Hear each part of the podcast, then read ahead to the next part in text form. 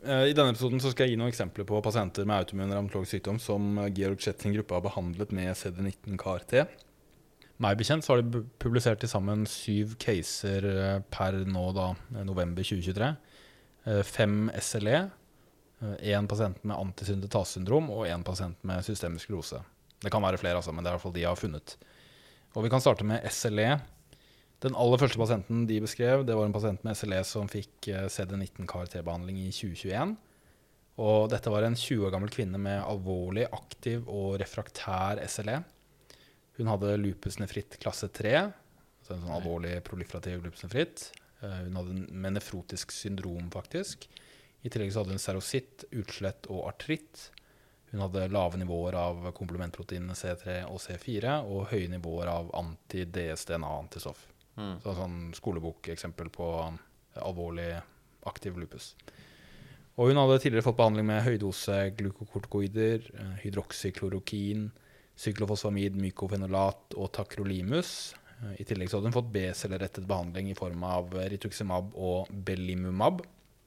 Men ingen av disse behandlingene hadde ført til eh, vedvarende sykdomskontroll.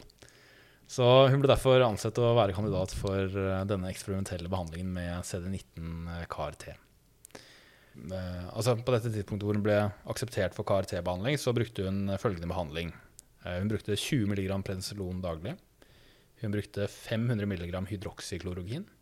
Mm. Hun brukte 2 gram mykofenolat. Og så brukte hun Belumumab 200 mg per uke. Mm. Sledai 2K, det er en sykdomsaktivitetsscore ved SLE. Mm. eh, Hvor eh, jo høyere poengsum, jo mer aktiv sykdom har du. Og hun hadde 16 poeng, som tilsier høy sykdomsaktivitet. eh, Og hun hadde bl.a. proteinuri på 2000 mg per dag. Mm. Så eh, man besluttet da altså å gjennomføre CD19 CAR-T-behandling. Og da eh, seponerte de mykofenolat fire uker før infusjon av CAR-T-celler. Mm. Cirka to uker før høsting, da. Ja, riktig. Uh, hydroksyklorokin ble, og belimumab ble seponert én uke før infusjonen.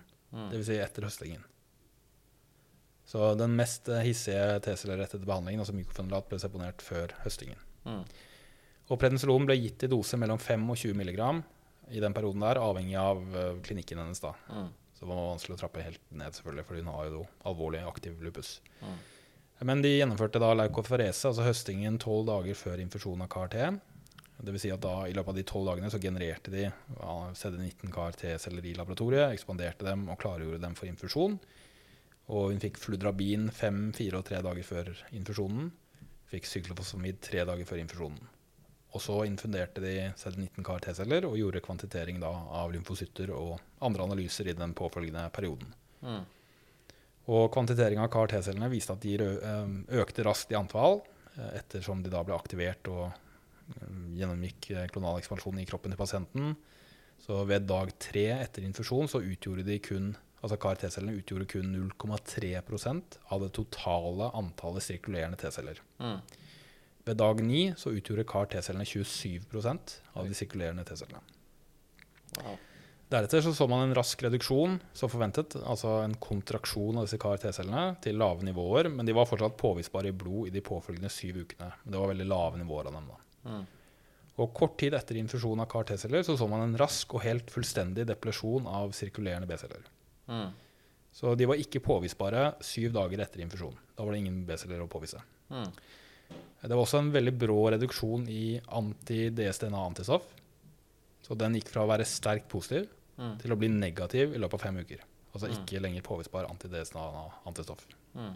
Uh, som da indikerer da at det autoantistoffet ble produsert av plasmablaster og- eller kortlivede plasmaceller. ikke sant? Mm. Eh, Komplementproteinene C3 og C4 som var lave før denne behandlingen, som da måtte være vanlig ved aktiv lupus, de ble normalisert innen tre uker. Og som sagt så ble all immunsuppresjon bortsett fra glukokortikoider seponert før CAR-T-celleinfusjonen. Mm. Prednisolon ble gitt i doser mellom 5 og 20 mg før eh, infusjonen. Mm.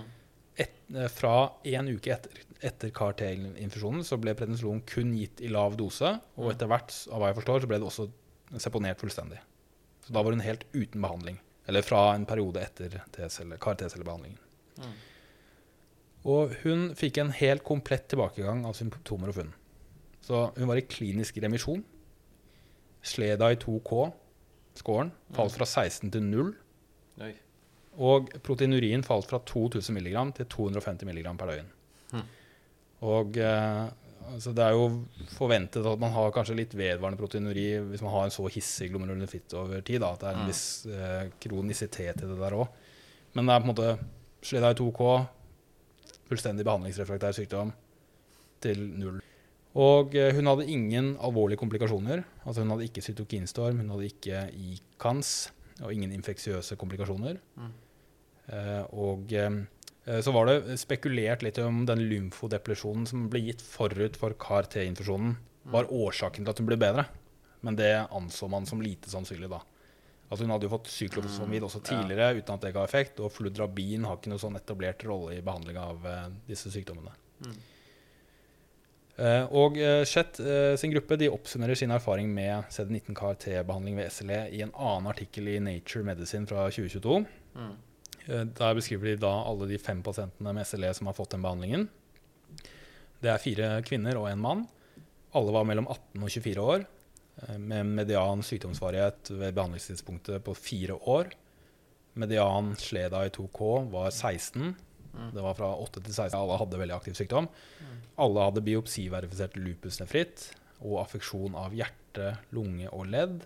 Men Mm. som sagt, ingen av de hadde CNS-affeksjon, sånn som Mm. vi nevnte i forrige episode. Og alle hadde vært refraktære da, for en lang rekke av immunsupprimerende medikamenter forut for dette her. Alle fikk eh, CD19 CAR-T på tilsvarende vis som den første casen. Og tre måneder etter CAR-T-celleinfusjon så var alle pasientene i remisjon. Fire av fem hadde sleda i 2K på null, Mm. mens den siste pasienten hadde en sleda i 2K-score på to. Mm. Ingen hadde lenger aktiv glomerulonefritt. Alle fikk negativ anti-DSDNA-antistoff i Mm. blodet. Og alle hadde normalisering av C3 og C4. Mm. Og alle kunne seponere all immunsuppresjon, Mm. inkludert eh, glukokortikoider. Mm.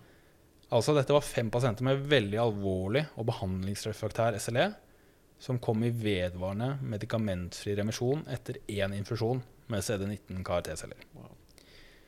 Og alle pasientene eh, de fikk B-cellene sine tilbake etter gjennomsnittlig 110 dager. Og selv om de fikk B-celler tilbake, så fikk ingen av de residiv i den eh, observasjonsperioden. Mm. Det var ikke noe reduksjon i antistoffkonsentrasjoner mot eh, patogener pasienten hadde blitt vaksinert for tidligere i livet, Mm. sånn som MMR, varicella, hepatitt B, tetanus, difteri og pneumokokk. Mm. Eh, Det er da fordi disse antistoffene da virker å produseres hovedsakelig av CD19-negative langlivede plasmaceller. Mm. Ingen av pasientene fikk alvorlig cyto cytokinstorm. Mm. Cytokinstorm grad 1, altså feber uten hypoksemi eller hypotensjon, oppsto hos tre av fem. Mm. Eh, og én pasient hadde feber i tre dager, og den personen fikk derfor én dose med tocilizumab. Fordi Mm. da anså de det som måtte måte, tilstrekkelig alvorlig til å, til å gi det. Mm. Ingen av pasientene fikk eh, eh, ICANS, altså immuneffektorcelle-assosiert nevrotoksisitetssyndrom. Mm. Og ingen av pasientene fikk heller infeksjoner i oppfølgingsperioden. Nei. Og oppfølgingstiden til disse pasientene ved publikasjonstidspunktet var mellom 5 og 17 måneder. Og i den reviewen som Chet har publisert i etterkant, sier han at eh, den pasienten med 17 måneders oppfølgingstid nå har vært i medikamentfri remisjon i to år. Mm. Så deres konklusjon er da at én enkeltadministrering av CD19 CAR-T førte til reversering av autoimmunitet hos disse pasientene med SLE, Mm. Og at du da får en eh, restarting av immunsystemet som gjør at sykdommen ikke residiverer selv etter at B-cellene kommer tilbake. Mm. Men eh, igjen, om dette her stemmer over tid, det gjenstår jo selvfølgelig da å se.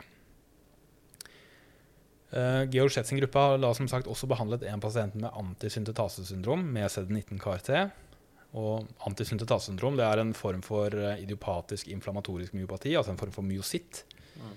Og antisyntetasesyndrom de har ofte myositt, interstisiell lungesykdom og artritt. Mm. Det er liksom tre vanlige manifestasjoner med den sykdommen. Denne pasienten med antisyntetasesyndrom som har fått denne behandlingen, eh, det ble beskrevet i en kasustikk publisert i Lancet i 2023. Det var en 41 år gammel mann med refraktær antisyntetasesyndrom. Mm. Han hadde aktiv myositt. Han hadde interstitiell lungesykdom. Han hadde Reynolds, han hadde periorbitalt ødem og positivt anti-Jo1-antistoff, eh, som er vanlig ved Mm. antisyndalsyndrom. Og i 18 måneder så hadde han hatt vedvarende, kontinuerlig aktiv myositt med CK over 1000. Han hadde forsøkt eh, prednisolon, rituximab, intravenøse immunglobuliner, tacrolimus og syklofosfamid. Altså han hadde fått veldig aggressiv behandling uten tilstrekkelig effekt.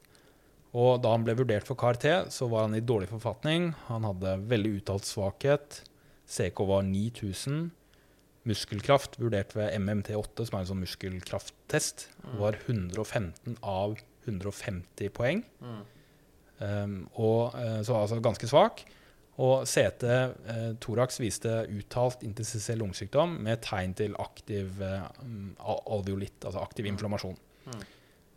Han hadde alvorlig respirasjonssvikt med behov for oksygentilførsel opp mot 50 liter per minutt, altså med sånn high flow Ja.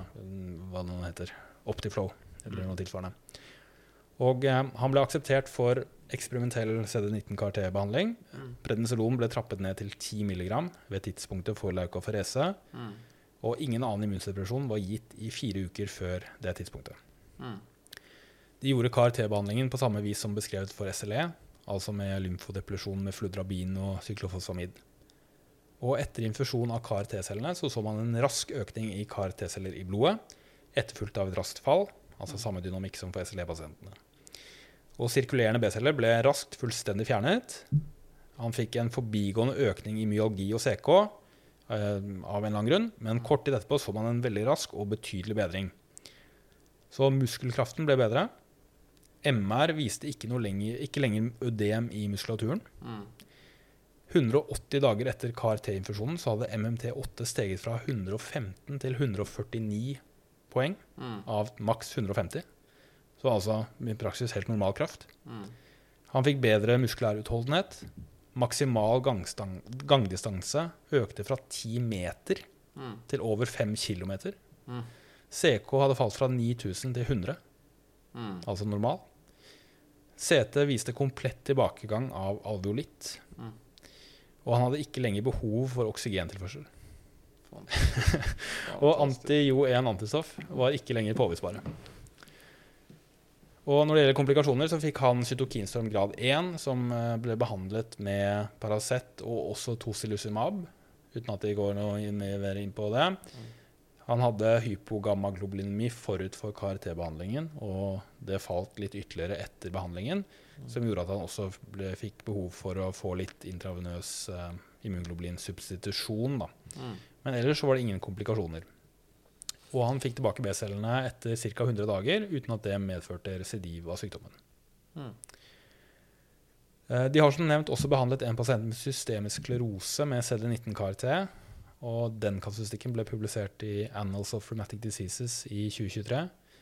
Og det var en 60 år gammel mann med anti-RNA polymerase 3-positiv diffus kutan systemisk sklerose. Han hadde utviklet Raynaud's 28 måneder før dette tidspunktet. Mm. Seks måneder etter det, dvs. Si 22 måneder før eh, baseline, så fikk han hudfortykkelse, myokardfibrose, interstitiell lungesykdom og artritt. Han hadde også pulmonal hypertensjon, som ble oppfattet som en kombinasjon av pulmonal arteriell hypertensjon Mm. og eh, pulmonal hypertensjon sekundært til hjertesvikt. Mm. Så ved i hjertekapitalisering så hadde han middeltrykk i pulmonalarterien, altså MPAP, på 33, Mm. kiletrykk på 18 og karmotstand på 3 Wood. Mm. Og han hadde forsøkt metotreksat og mykofenolat uten tilstrekkelig effekt. Han ble da akseptert for eksperimentell CD19-kar T-cellebehandling. Mm. Og immunsuppresjon ble seponert fire uker før behandlingen. Eh, Og behandlingen ble gjennomført på samme vis som for de andre, altså med høsting og lymfodepresjon og så infusjon av CD19-kar T. Og igjen, etter infusjonen så, så man igjen en rask stigning i kar T-celler. Mm. Så på dag ni etter infusjonen så utgjorde kar T-cellene faktisk hele 66% av alle sirkulerende T-celler. Og Deretter så falt de raskt, men utgjorde fortsatt 1 av sirkulerende T-celler 119 dager etter infusjonen. Mm. Eh, man så en komplett eh, CD19 B-celledepresjon etter, tre, etter syv dager etter infusjonen. Og han fikk også veldig god respons. De vurderte myokardfibrose med FAPI-PET, altså en PET-undersøkelse hvor man bruker en tracer som indikerer fibroseaktivitet, altså FAPI. Mm. Og eh, den undersøkelsen viste at det var en reduksjon da i myokardfibrose etter behandlingen. Eh, HRCT thorax og lungefunksjonsundersøkelser viste at interstisiell lungesykdom var stabil ved tre og seks måneder, som er kanskje det man eh, best klarer å forvente ved systemisk sklerose interstisiell lungesykdom. Mm. Eh, Han hadde bedring av artritt. Det var en tendens til bedring av hudfortykkelse. Og han var mindre plaget av Raynaud. Og disse anti-RNA polymerase 3-antistoffene var ikke lenger påvisbare. Mm. Han fikk cytokinstorm grad 1 uten indikasjon for tocilizumab. Han fikk ikke ICANS. Han utviklet ikke hypogammaloglobulini. Og det var ikke anført at han fikk infeksiøse komplikasjoner heller. Mm. Så her er det en pasient som trolig har en del irreversibel skade ved tidspunktet, men ser ut til å i hvert fall få bremset sykdommen veldig med denne behandlingen, uten at det oppstår alvorlige komplikasjoner. Så igjen, her viser de eh, veldig spennende resultater i, i tre alvorlige autoimmune revmatologiske sykdommer som gir håp om at dette her kan være en behandling som er utrolig spennende og eh, og relevant for revmatologien i årene som kommer. Ja, det høres jo nesten ut som det, det er smått revolusjonerende, kanskje? Ja. Det er, eh, det er virkelig utrolig spennende, og det er klart eh, det gjenstår å se hvor effektivt og trygt dette er i noen litt større pasientmaterialer. Men eh, jeg anbefaler som sagt alle å lese denne review-artikkelen til Gørset. Jeg fikk i hvert fall frysninger da jeg leste den. Engasjementet er stort, så det Ja. Men um, tusen hjertelig takk for at du stilte opp, Ole Jakob. Det setter jeg veldig stor pris på. Jo, det var veldig gøy å være med. Kult å få se hvordan du gjør dette her. Og så gleder jeg meg til å høre en, uh, når du bruker CAR-T-behandling for eh, et eller annet kardioproblem i fremtiden. Så jeg gleder meg til vi kan rydde plakk i koronarårene våre Ja. med. Det, Kanskje vi kan få til det? jeg, jeg forventer at det kommer. det er veldig bra. Nei, men takk for innsatsen. Takk for nå. Takk for nå.